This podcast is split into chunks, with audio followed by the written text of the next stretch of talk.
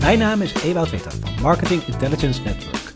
Wij helpen iedereen die binnen Marketing Intelligence, ofwel marktonderzoek en data analytics, werkt met groeien. Door ze op te leiden, te coachen of aan nieuw werk te helpen. Via werving en selectie en bemiddeling van freelance opdrachten. En door een stukje inspiratie te bieden. Onder andere via deze podcastserie Marketing Intelligence Inspiration. Dit keer was ik te gast bij Stefan Boom, Managing Director bij Dynata. Ooit gestart als panelprovider, maar nu toch vooral opererend als dataprovider, zowel nationaal als internationaal. Met Stefan ga ik in op alle trends binnen marktonderzoek, met daarin een belangrijke rol voor datakwaliteit. Dit staat steeds vaker onder druk. Maar hoe zorg je er nu voor dat je dit toch kunt blijven garanderen? Blijf dan vooral luisteren. Veel luisterplezier! Bedankt uh, voor de uitnodiging. Leuk om hier te zijn, uh, ja, Stefan. Leuk dat je bent. Ja. Welkom. Uh, ja, en kan je wat meer vertellen over waar we hier zijn? Ja, we zijn hier in, uh, in Rotterdam op de Koolsingel bij, uh, bij Daneta. En uh, Daneta is een, een, data provider. Ehm, vroeger werden we ook wel panel provider of zelfs wel panelboer genoemd. Ik denk dat datgene wat we doen inmiddels wel wat breder, breder is dan, dan dat. Um, maar ja, internationale organisatie. Hier werken bijna 5500 mensen wereldwijd. En, en het kantoor in Rotterdam is uh, verantwoordelijk voor de Benelux. Ja. ja. En hoe lang uh, gaat jouw historie bij Dyneta terug? Over uh, twee weken, twaalf jaar in, in dienst. Ik ben hier ooit begonnen um, als, in de sales, eigenlijk als, als account manager. Um, en, en, ja, na verloop van tijd steeds weer stapjes gemaakt. Ik heb een sales team hier uh, heel lang geleid. Um, daar op een gegeven moment ben ik er de, de Nordics bij gaan doen, hè, dus Scandinavische landen en kantoren. een tijdje voor Europees verantwoordelijk geweest voor, voor de sales. En eigenlijk sinds um, twee jaar nu managing director van de Benelux en de, en de Nordics. En, en die hoedanigheid verantwoordelijk voor en sales en operations. Ja, en hoe heb jij in de afgelopen twaalf jaar de ontwikkeling van Dyneta zien gaan? Um, ja, dat is ja, interessant natuurlijk. Sowieso uh, best, wel, best wel dynamische uh, industrie. Um, ja, wat ik net al zei, voorheen echt een panel provider. Uh, waar mensen echt puur naar ons toe kwamen voor, voor alleen de respondenten. Um, en, en dat, dat is wel wat breder geworden. Uh, enerzijds omdat ja, panel aan zich uh, natuurlijk wel, wel echt veranderd is. Uh, wij werken niet meer vanuit één bestaand panel, maar geloven heel erg in, in diversiteit van, van data en verschillende bronnen waar je, waar je respondenten vandaan haalt. Um, anderzijds omdat de, de dingen die de markt van ons hebben gevraagd ook wel veranderd zijn. Dus wat we ook veel doen is advertising solutions bijvoorbeeld. Hè, dus campagnes uh, doormeten, heel veel concept testing vooraf. Maar ook um, ja, data, bestaande data toevoegen aan je, aan je, aan je survey data. Dat is denk ik ook wel een ontwikkeling die we in de laatste drie tot vijf jaar wel gezien hebben.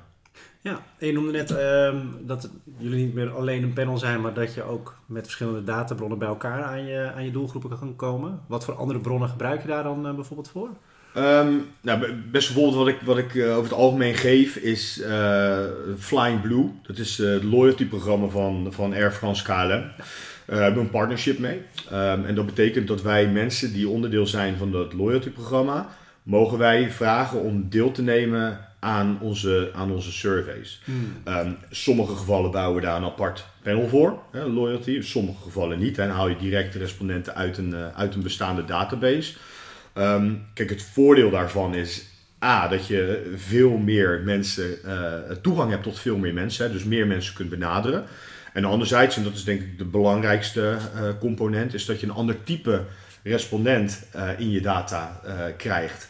Uh, vanuit, vanuit een panel, uh, en je hebt één panel en daarin recruteer je mensen, dat zegt toch iets over de mens en de respondent die besluit vanuit intrinsieke motivatie of vanuit een uh, incentive deel te nemen aan een, aan een panel. En, en dus ook proactief deel wil nemen aan onderzoek. En dat creëert bias. En, en we zien dat dat aantal mensen wat graag deel wil nemen in een panel echt sterk terugloopt. Um, en daarom wil je zo breed mogelijk en zo representatief mogelijk voor de online populatie wil je natuurlijk recruteren. Um, en daardoor veel van dat, zoveel mogelijk van dat soort bronnen aansluiten op datgene wat je, waar je je respondenten vandaan haalt. Um, ja, dat is eigenlijk wat, wij, uh, wat we doen en wat ook wel veranderd is in de loop van de tijd. Ja, dus, dus de vraag die ik zelf had voorbereid, waar moet een goed panel aan voldoen, is eigenlijk niet een goede vraag. Ehm, op die manier. Dat nou ja ik, ja, ik denk dat. Breder trekt dan ja, precies. Ja, nou, precies. Breder trekt dan dat. Ja, ik, ik snap dat je het woord panel en, en iedereen begrijpt eh, in de industrie waar je het dan, uh, waar je het dan over uh, hebt.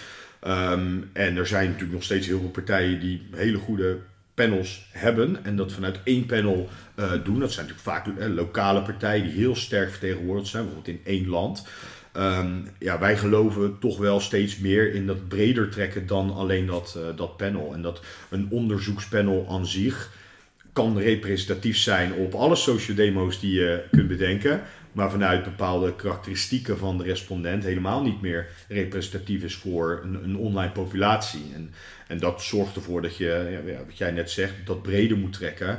En vanuit andere bronnen uh, respondenten moet recruteren voor, uh, voor je onderzoek. Ja.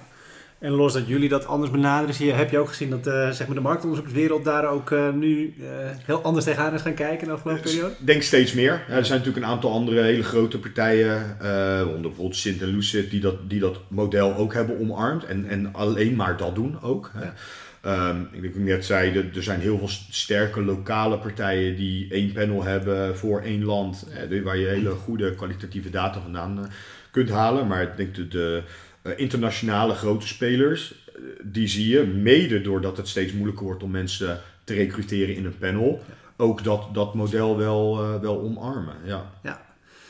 En die, nou, dat, dat is een denk, positieve en noodzakelijke ontwikkeling. Zie jij ook nog dingen waarvan je denkt van nou, dat zou nog wel echt even een stukje, een stukje beter kunnen aan Nou, ik denk, ik denk dat er altijd uitdagingen zijn ja. op, op panelvlak. Um, Kijk, laten we zeggen, vijf, zeven tot tien jaar geleden uh, waren respondenten in overvloed. Hm. He, het maakte niet zoveel uit wat voor vragenlijst je iemand voorlegde, hoe lang een vragenlijst uh, was. Je had toch wel genoeg respondenten, want mensen vonden het nog interessant en leuk om zich in te schrijven in een, uh, in een online panel.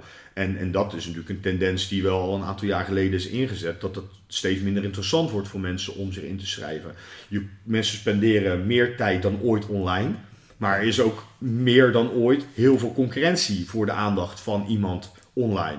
En of dat nu gaat over uh, tv streamen, kijken, spelletjes, uh, weet ik veel wat.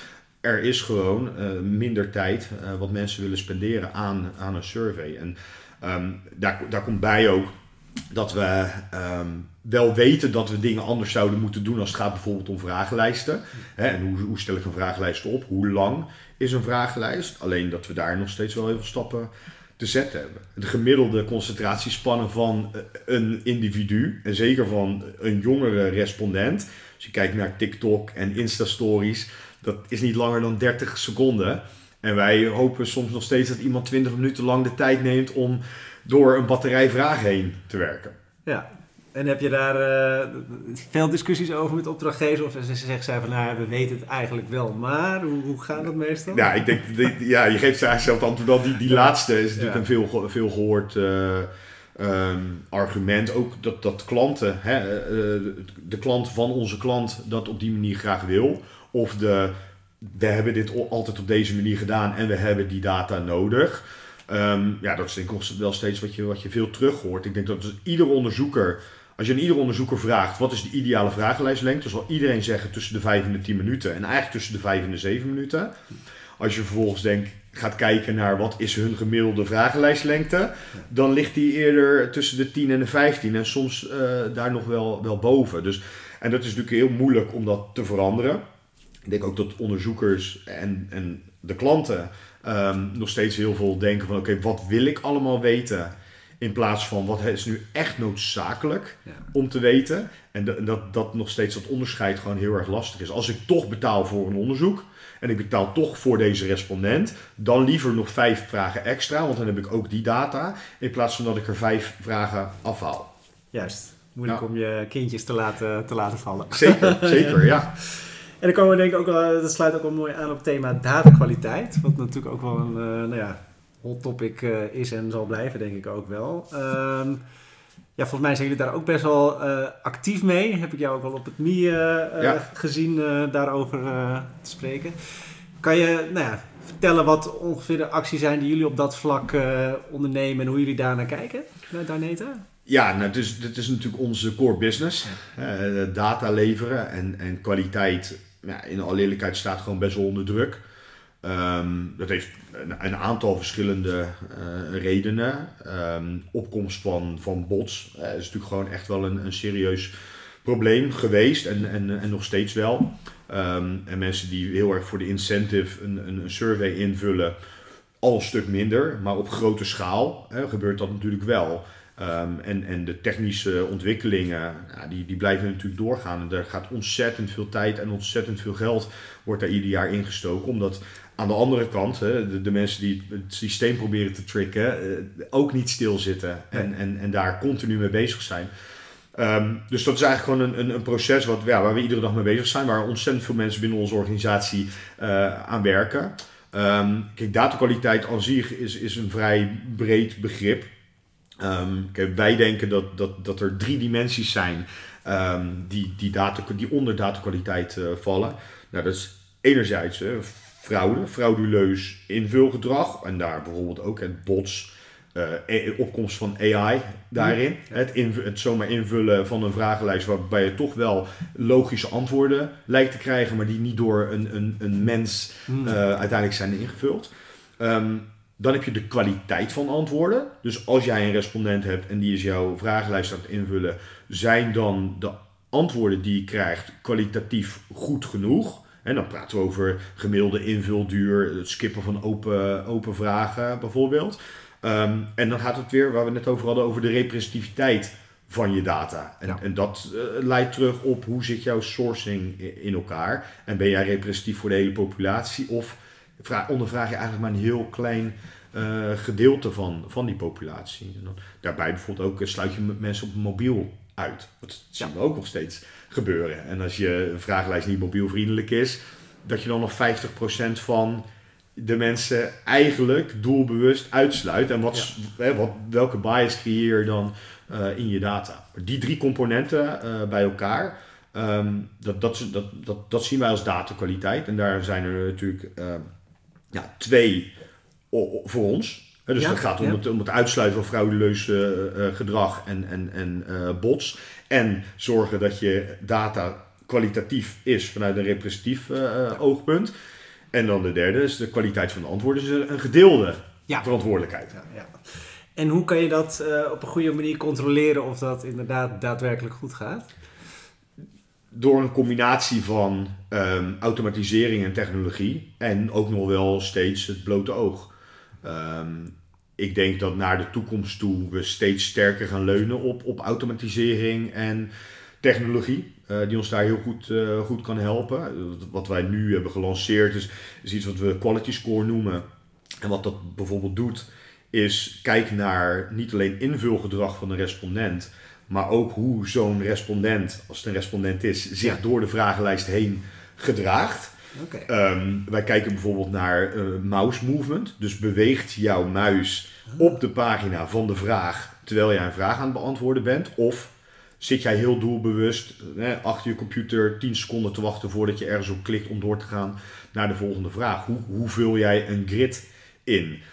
Copy-pasten van antwoorden. Dus wij kunnen zien of een, een open antwoord is gecopy-paste of daadwerkelijk is getypt. En dat soort dingen uh, helpen natuurlijk al heel erg om, om die automatisering en de bots en frauduleus gedrag uh, eruit te filteren. Um, anderzijds proberen we met, met iets wat, wat we noemen Quest Score. Dus we geven een, een score aan iedere survey op basis van een aantal componenten. En die geven we dan terug aan de klant. Om, en dat is best wel confronterend in sommige gevallen. Puur en alleen om, om, om ook de klant ervan bewust te maken van oké, okay, hoe, hoe goed is mijn vragenlijst? En hoe engaging is mijn vragenlijst voor een respondent? Want dus die derde component die ik net noem, is de kwaliteit van antwoorden. En dat is de kwaliteit van de respondent. Maar het is ook net zo goed de kwaliteit van de vragen die je stelt. De kwaliteit van hoe jouw vragenlijst eruit ziet. En onder andere de lengte en de, en de repetitiviteit van een vragenlijst.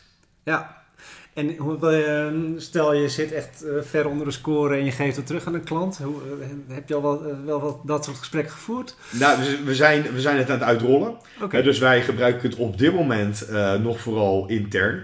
Um, mede om, om, een, om een database en een benchmark uh, op te bouwen. dus hoe scoor jij ten opzichte van de industrie? Hoe scoor jij ten opzichte van andere onderzoeken die, jou, die jouw organisatie heeft gedaan? Um, en het is de bedoeling dat we dat in de loop van deze maand echt uit gaan rollen en dan ook terug gaan communiceren naar, uh, naar klanten. En, uh, wij hebben dat voorheen ooit al eens gedaan. Uh, in de tijd van, van de voorloper SSI ja. hadden wij survey score. En dat vroegen we aan respondenten hun feedback en oh ja. hoe zij naar deze vragenlijst keken. En, en die kregen klanten automatisch teruggestuurd. Um, en wat je daar zag is dat, dat natuurlijk heel enthousiast wordt gereageerd door klanten op het moment dat die, dat die score heel hoog is. En iets terughoudender wordt gereageerd op het moment dat die, dat die score wat, uh, wat lager uitvalt. Ja, en zie je ook dat de, om respondenten enthousiast te krijgen, dat jouw opdrachtgevers ook steeds meer doen om het leuk te maken voor de doelgroep? Of om daar ook uh, slimmigheden of nieuwe dingen in te bedenken? Ja, ja en nee. Ja, het, is, het, is, het gebeurt wel. En ik denk dat er best wel wat, uh, wat innovatie uh, is. we hebben best wel veel geëxperimenteerd bijvoorbeeld met voice. Dus het inspreken van een antwoord en dat vervolgens terug vertalen naar tekst ja, dat, dat, dat heeft dan toch ook niet helemaal uh, het, het, effect wat we uh, hadden gehoopt. Respondenten vinden het wel leuk, maar toch ook niet per se altijd. Hm. Ligt er natuurlijk ook aan, hè? als je in een, in een bus zit of in een trein en je doet een survey, dan zit je er niet altijd op te wachten dat je dat dan uh, uit gaat spreken, je, je antwoord. Um, wat we wel veel zien, veel zien, wat we wel zien gebeuren is de, meer conversational design met AI erachter. Waarbij je als het ware een WhatsApp-gesprek aan het voeren bent met ja, een, bot. Maar die doorvraagt op jouw antwoorden. En die, die patronen herkent en, en daar dan iets mee doet. Um, ik denk dat dat, dat, dat echt wel de toekomst gaat zijn. Wat nu het, het, nog lastig maakt, is dat het voor kwalitatief is en nog niet kwantitatief genoeg. want als onderzoeker en je doet kwantitatief onderzoek, dan, dan wil je dat alles, alle antwoorden het binnen hetzelfde, exact, in hetzelfde stramien vallen, want anders kun je er niets mee. Um, en als jij natuurlijk met iemand praat, een, een, een focusgroep of een face-to-face -face interview, en dat, dat automatiseert, dan krijg je natuurlijk hele rijke antwoorden, maar niet altijd antwoorden waarmee je een kwantitatief onderzoek uh, kunt vullen. En ik denk op het moment dat, dat daar die brug uh, geslagen gaat worden en we dat terug kunnen brengen naar ja, wat, wat, wat conversational design in kwantitatief onderzoek, Um, ja, dan kun, je, dan kun je meer engagement aangaan. Want dat is wel wat, wat we terug horen van partijen die dat doen. Respondenten zijn daar wel enthousiast over. Ja, en dan uh, weer een middel ook met name de jongere doelgroep denk ik ook weer wat meer uh, te binden. Precies dat, ja. Want die zijn natuurlijk gewend om op die manier te communiceren. Um, en, en nou ja, dat, en dat is, is natuurlijk met alles. Hè. Die jongere generatie gebruikt bijvoorbeeld veel minder woorden om te communiceren. En dat is ook wel een omslag, denk ik, die die onderzoekers nog niet altijd hebben gemaakt. En in sommige gevallen wel. dat we altijd verwachten dat een, een, een, open antwoord een x aantal tekens of een x aantal woorden bevat. Voordat we zeggen, nee, dit is een kwalitatief goed genoeg antwoord. Ja, en dat dat op generatieniveau gewoon anders, anders werkt. Ja, kun je een hele mooie analyse op loslaten. ja, ja, absoluut, absoluut. Ja, en um, ja, voor mij is conversational design echt iets wat erg in opkomst is. Zijn er nog andere dingen waarvan je denkt van, als we hier over tien jaar zitten, waar we dan, uh, wat we dan als belangrijkste ontwikkelingen, waar we dan op kijken, terugkijken? Um, ik vind het een hele interessante vraag. Um, en ik heb wel in het verleden ook wel op, op, uh, op congressen en zo gesproken over the future of market research. Dat natuurlijk hele leuke, leuke topics om mee bezig te zijn. Wat je daar ziet, is dat ik vind dat deze industrie aan zich niet heel erg innovatief is. Wel veel over innovatie spreekt, maar het vervolgens in de praktijk niet altijd uh, waarmaakt. Um, toen ik twaalf jaar geleden binnenkwam, uh, was het hot topic mobielvriendelijke surveys. Alles wat, wat wij hier deden, elke, elk congres waar we kwamen, elke presentatie die we gaven, ging over mobielvriendelijke surveys. Want dat moest gebeuren, want anders zou je een heel groot deel van je respondenten kwijtraken. Nou, fast forward 12 jaar. En ik denk dat uh, dat nog steeds, uh, soms wel 30 tot 40 procent van onze onderzoeken niet altijd mobielvriendelijk zijn. En dat heeft soms te maken met, met de onderzoeksopzet. Het heeft heel vaak te maken met de lengte van de vragenlijst. En heeft nog veel meer te maken met het type vragen wat wij uh, willen stellen. Omdat het heel erg in, in het oude framework nog steeds vragen op, opgesteld worden. Ehm, nou, dat is één voorbeeld. Ik noemde net al Voice. Uh, Voice was op, uh, denk ik, een jaar of vijf geleden was dat heel erg hot. Iedereen wilde iets met Voice doen. Ericsson ook hè, voorspelde dat in 2022 of 2023 Voice volledig tekst had overgenomen. Nou ja, we zitten hier nu in, in 2023 en dat is natuurlijk niet, niet gebeurd. Nee. Ehm, dus dat is denk ik altijd wat in de wereld uh, gebeurt, maar zeker ook binnen, binnen onderzoek. Je, je, je leest nu heel veel over eh, OpenAI, AI in het algemeen, uh, machine learning. En ik denk dat daar heel veel toepassingen zijn die ontzettend goed gaan zijn voor onze, voor onze industrie die ook wel disruptief kunnen werken binnen de industrie. Ehm, zeker als het gaat over bijvoorbeeld analyseren van, van, van grote databases, van heel veel antwoorden. Um, dat zou objectiever misschien kunnen als je niet de mens achter de vragenlijst laat doen. want die heeft toch al vaak een, een, een richting in gedachten en een beeld van wat de uitkomst misschien gaat zijn. En ja, we weten allemaal, data kun je wel op die manier interpreteren dat je eh, in een bepaalde richting eh, beweegt. Dus ik denk dat daar wel, ehm, wel goede toepassingen uh, zijn en, en gaan komen. Andere kant, nogmaals, als je kijkt naar hoe innovatief we geweest zijn over de afgelopen 10, 15 jaar, dan is het grootste deel van datgene wat wij iedere dag nog doen, programmeren van een vragenlijst, duizend respondenten nationaal representatief voor een land verzamelen, opschonen van een dataset en de dataset uiteindelijk naar een klant leveren. En dat is, dat is in 12 jaar niet, niet veranderd. Dus als jij vraagt van staan we over 10 jaar, dan denk ik dat we dit nog steeds in een bepaalde vorm doen. Ja. Ik hoop wel dat we dan wat stappen gezet hebben en ik denk ook niet dat we daar uh, aan ontkomen. Juist, misschien niet zozeer vanuit de technologie, maar wel heel erg vanuit de respondent. Ja, we gaan hem over tien jaar gewoon terugluisteren. En dan gaan nou, we ja. even kijken wat... Uh... Precies, kijken hoe goed mijn glazen bol was. ja. en dan gaan we hem opnieuw, uh, opnieuw doen dan voor de komende tien jaar. Nee, leuk. Um, ja, zijn er verder nog uh, dingen, ontwikkelingen die je nog zou willen benoemen of willen bespreken? We hebben natuurlijk al best wel wat... ja, ik denk, nou, ik denk dat we het meeste wel, wel benoemd hebben. Um, ja, ik denk, ik denk dat wat we net over hadden, die innovatie, ik zou dat wel... Ik hoop dat we dat wel wat meer, meer terug gaan, gaan zien. Um, ook op de afgelopen congressen en events vond ik uh, de content uh, over het algemeen toch wat mager. Hm. Heel erg uh, traditioneel, weinig vernieuwend in, in heel veel gevallen. En ik hoop eigenlijk wel dat dat misschien de coronaperiode was en dat het daardoor een klein beetje, ja, een beetje stilgelegen heeft. Maar ik hoop juist dat, dat partijen wel weer dat echt op gaan pakken en daar, daar vol mee aan de slag gaan. En wat ik net benoemde, ook omdat je anders de, de respondenten, vooral de jonge respondenten, echt wel kwijt gaat raken. En dat daar gewoon wel serieuze stappen in, uh, in ondernomen moeten worden. Wil je deze industrie en het onderzoek aan zich uh, houdbaar houden en relevant houden uh, voor organisaties? Ja, Goed, uh, goed pleidooi wat mij betreft. Ja.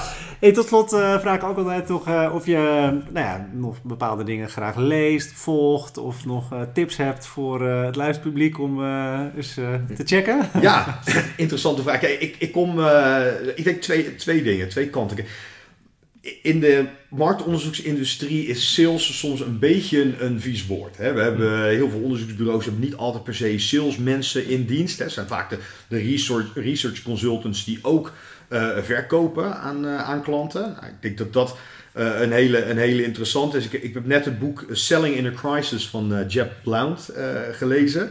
Um, voor iedereen die iets met sales doet, zou ik dat echt absoluut aanraden om, om te lezen. Heel down to earth.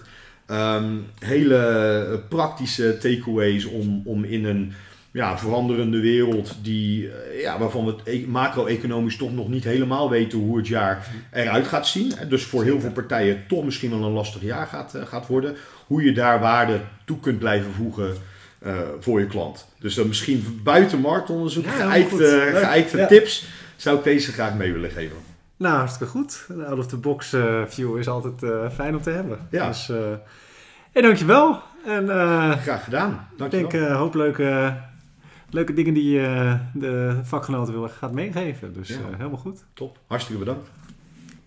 En hiermee zijn we weer aan het einde gekomen van deze podcast. Ik hoop dat je het weer interessant vond. Er staan weer nieuwe podcasts in de planning, dus hou onze website, LinkedIn of jouw favoriete podcast app weer goed in de gaten. Leuk dat je wil luisteren en hopelijk tot de volgende.